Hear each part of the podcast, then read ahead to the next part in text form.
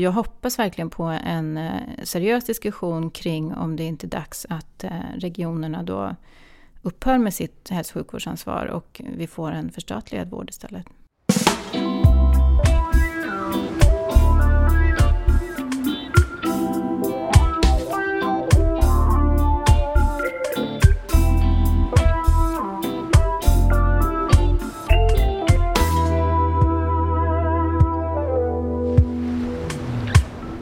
Färsk lägesrapport från Socialstyrelsen visar att samtliga 21 regioner bedömer brist på specialistsjuksköterskor. Andra bristyrken är bland annat psykologer, specialistläkare och barnmorskor.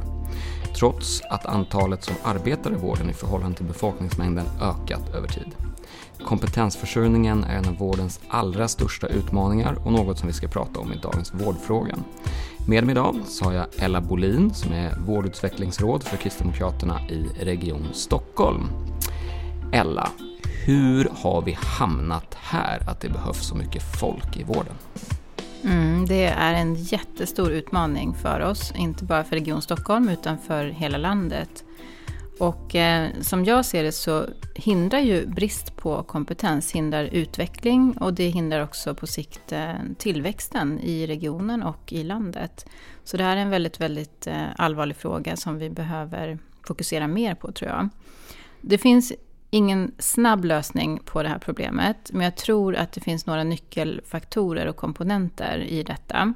Dels så behöver vi få, tror jag, en, en ung generation som faktiskt är mer intresserad av vårdyrket. Och ibland så kan man ju se väldigt dystra rapporter om vården, att det är väldigt tungt, det är obekväma arbetstider.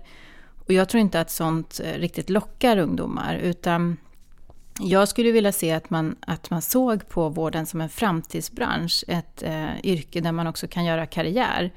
Och det som vi i Region Stockholm har gjort är att vi har utökat platserna för eh, AT-tjänster och ST-tjänster för läkare.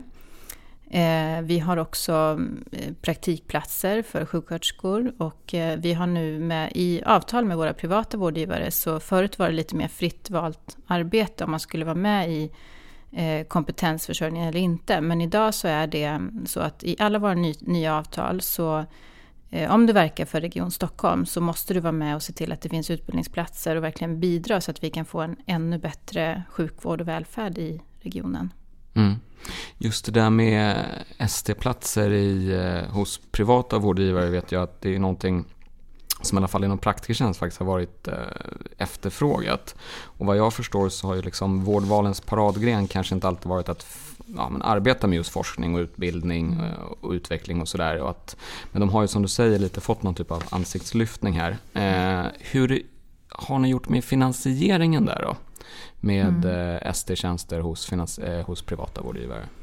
Ja, vi, just nu så har vi drygt 3000 olika avtal med, med vårdgivare och de ersätts ju på lite olika sätt. Och eh, vi menar att det, om du har ett avtal för Region Stockholm så måste du vara beredd att delta i forskning och utveckling. Så att vi vill ju också att vi vill täcka kostnaderna för detta, men det är också så att man från vårdgivarens sida måste vara beredd att ställa upp på det här. Att det ska ingå i ett uppdrag för Region Stockholm att förbereda sig för att ta emot en student till exempel oavsett på vilken nivå han eller hon studerar. Mm.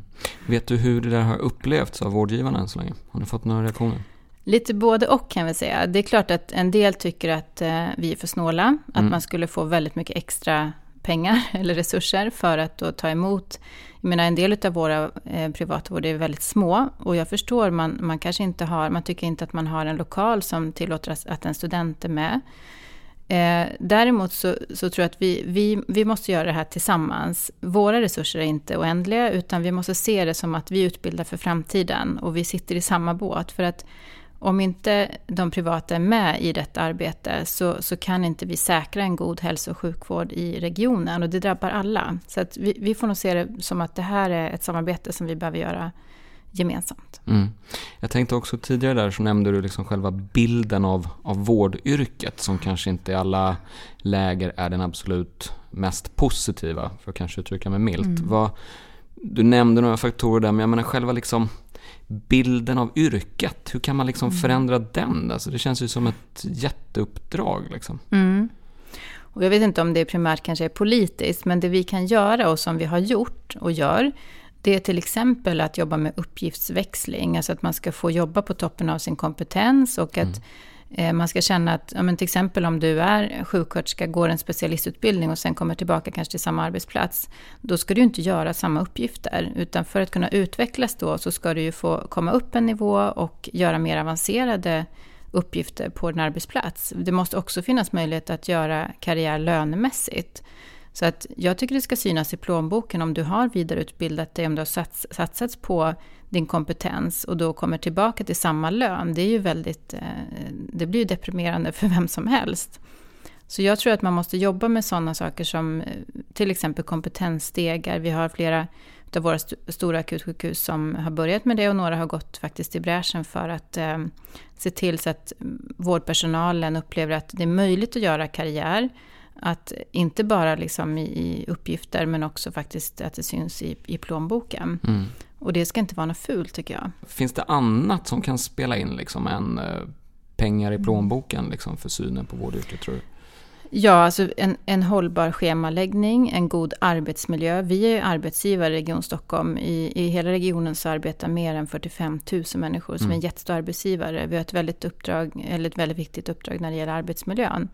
Schemaläggning är inte en politisk fråga utan det är upp till enheterna. Men där måste vi också ha eh, bra chefer som också är ledare i vården, vågar mm. vara ledare. Och eh, se till så att personalen mår bra, se till att schemaläggningen eh, håller så att vi inte ser utbrändhet och stress. Och mm. att man i, i eh, möjligaste mån också kan få önska tider och att man tar hänsyn till om man har små barn eller eh, ja, andra eh, behov socialt. Så att jag mm. tror att det är jätteviktigt med hållbar schemaläggning och en god arbetsmiljö. Mm. Och där finns det ju i alla fall, i vissa rapporter pekar på vissa skillnader mellan eh, offentliga arbetsgivare och privata arbetsgivare i vården. Där det ibland i alla fall framkommer att privata vårdgivare har en eh, bättre, arbets, bättre arbetsmiljö med kanske friare schemaläggning och sådär. Va, mm. va, vad ser du att det offentliga kan lära av det privata där? Finns det något? Jag tror det finns jättemycket som det offentliga kan lära, framförallt när det gäller effektivitet. Vi vet att privata faktiskt är bättre på att eh, hålla budget, att eh, se till så att resurserna räcker, att eh, titta på vad, hur kan vi jobba smartare. Bara en sån sak liksom att, att se över arbetsplatsens rutiner och titta på vad är det, vart, vart finns tidstjuvarna? Finns det någonting som vi kan göra för att eh, frigöra mer tid till patienten? För det är patientmötet som är det viktiga här och jag tror att många som söker sig till vården, det är ju det man är intresserad av. Man vill arbeta med människor eh, hjälper människor, oavsett om det är primärvården, till att förändra ett riskbeteende inom hälsa, till att få en bättre livsstil eller att behandla svåra cancersjukdomar eh, inom akutsjukvården. Mm. Många eh, privata enheter eh, är ju oftast, jag ska inte säga alltid, men ofta är de ju professionsstyrda eller professionsledda mm. på ett mm. annat sätt än vad kanske regionala verksamheter mm. är. Kan det vara en nyckel, att man ger mer ansvar till liksom de vårdens medarbetare liksom, som är mm. utbildade i vårdyrken?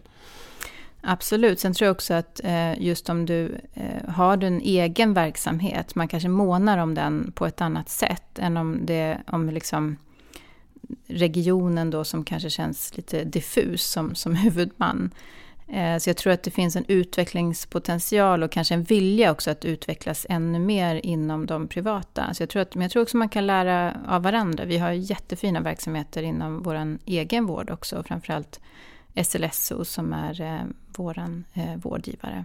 Hur stor roll tror du det har egentligen när man tittar på de här rapporterna som exempelvis vårdföretagarna gör med budgetunderskott i den offentligt finansierade eller offentligt drivna primärvården? Kan det spela in att, man liksom, att huvudmannen känns lite långt ifrån och budget är liksom något annat? Möjligen. Sen tror jag också att man måste väga in andra faktorer som socioekonomi till exempel. Att vi Eh, det, det, kan vara så att, att de offentligdrivna då, som kanske har ett underskott faktiskt eh, är geografiskt placerade i ett område där människor är väldigt sjuka och kanske har då en tyngre sjukdomsbörda. Inte i alla fall, men ibland kan det vara så. Men jag tycker inte att det går att försvara att regionerna faktiskt, ja, som man gör idag på sikt, att man håller då verksamheterna under armarna och så ger vi samma förutsättningar liksom till de privata och säger att ni måste hålla budget annars får ni inget avtal med regionen medan våra egna då ibland inte klarar budgeten. Och där, det där är väldigt, väldigt svårt för att vi som region vi kan liksom inte sätta ett akutsjukhus i konkurs om de har ett budgetunderskott. Alltså det funkar inte så. Vi har fortfarande ett ansvar enligt hälso och sjukvårdslagen att ge människor vård efter deras behov i mm. hela regionen.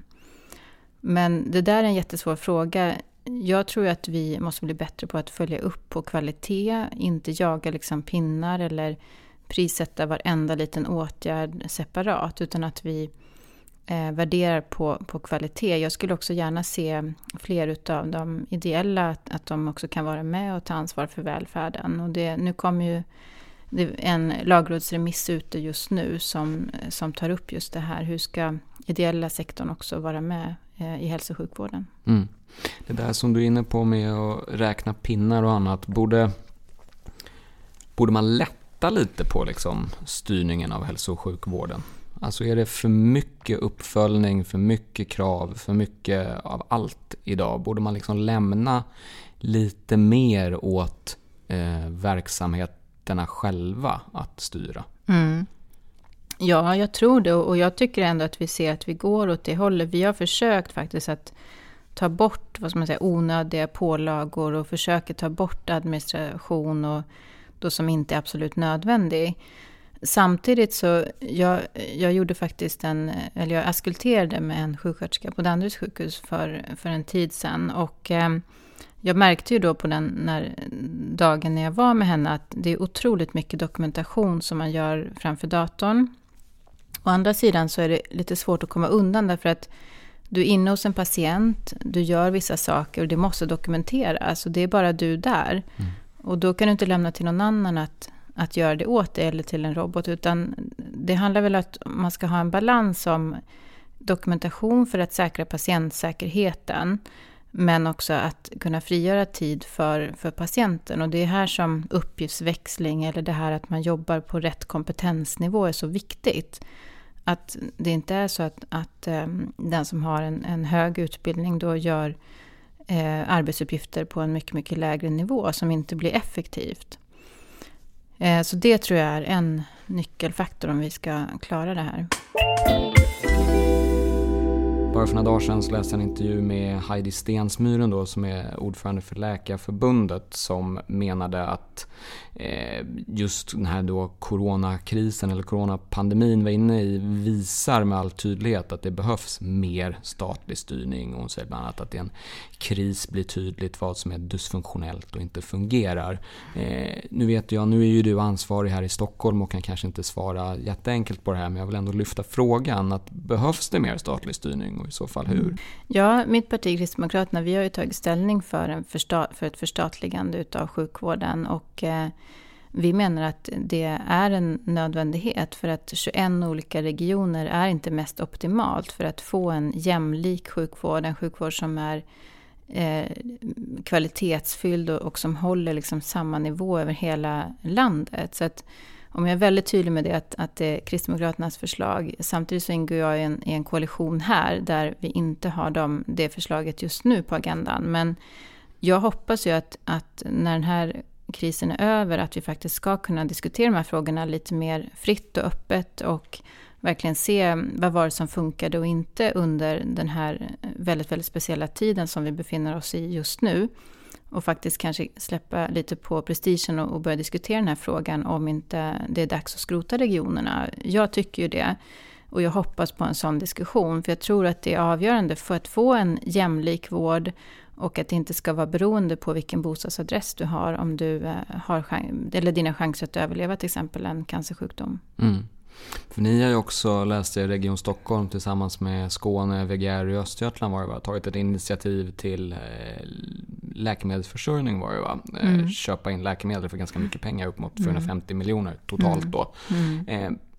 Ska man, kan det vara ett tecken på att staten, eller förlåt, att regionerna har misslyckats mm. med sitt uppdrag? Ja, så att vi behöver göra sådana här stora initiativ. Det visar ju på att ensam är inte stark och att, att ganska små... Nu är ju Sverige som läkemedelsmarknad är ganska litet i sig och då en region som läkemedelsmarknad är ju ännu mindre. Så att i vissa fall så prioriteras ju inte vi av de här stora bolagen som säljer och särskilt i bristtider. Då kanske man vill vända sig hellre då till en större marknad. Så när vi går samman så blir vi ju starkare och, och får mer kraft eh, bakom upphandlingar.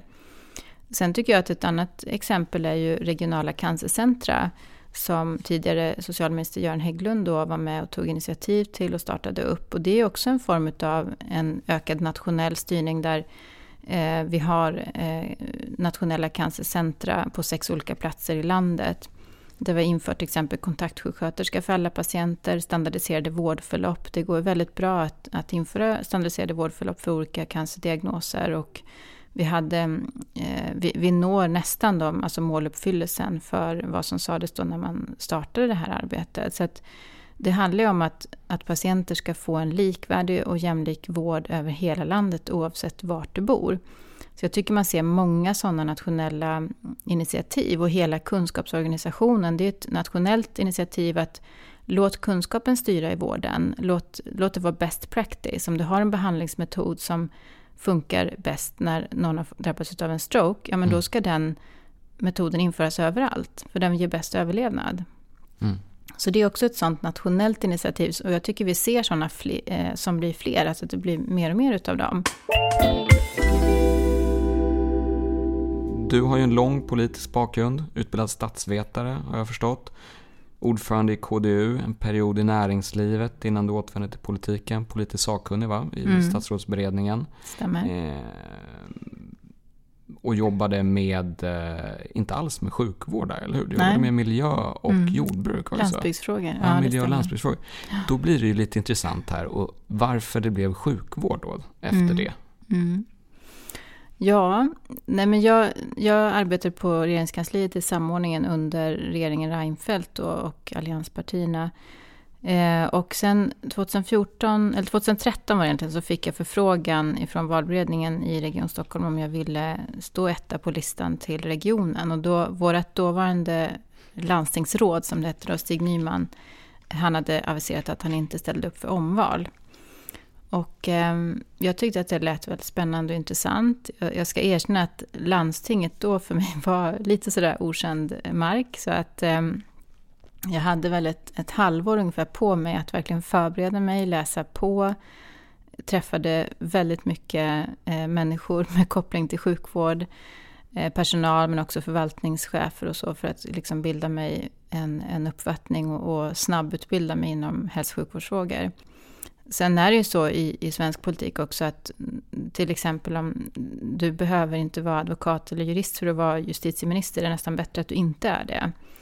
Att jag tror att det viktigaste egenskapen hos en politiker det är att man har förmåga att eh, ha en överblick, att, ha, att våga fatta beslut, ibland obekväma och tuffa. Eh, att man har en medvetenhet om att du har väljarnas förtroende, att bära det.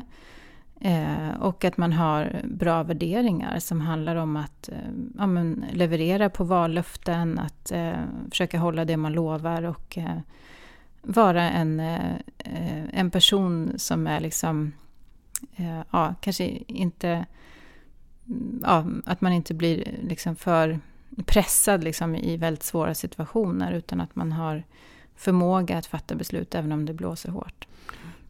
Du har ju varit i regionen, landstinget som det tidigare hette då, sedan 2014. Mm. Eh, din andra mandatperiod. Mm. Vad, vad har ni liksom lyckats med skulle du säga under de här sex åren? Mm. Nej, men om man börjar tidigare än så, så tycker jag att den viktigaste reformen som vi har gjort 2008 redan, det var ju vårdvalsreformen. Att ha en, ett Eh, en avtalskonstruktion som innebär att eh, det är möjligt att etablera sig i regionen och hjälpa till att utveckla hälso och sjukvården men även andra delar.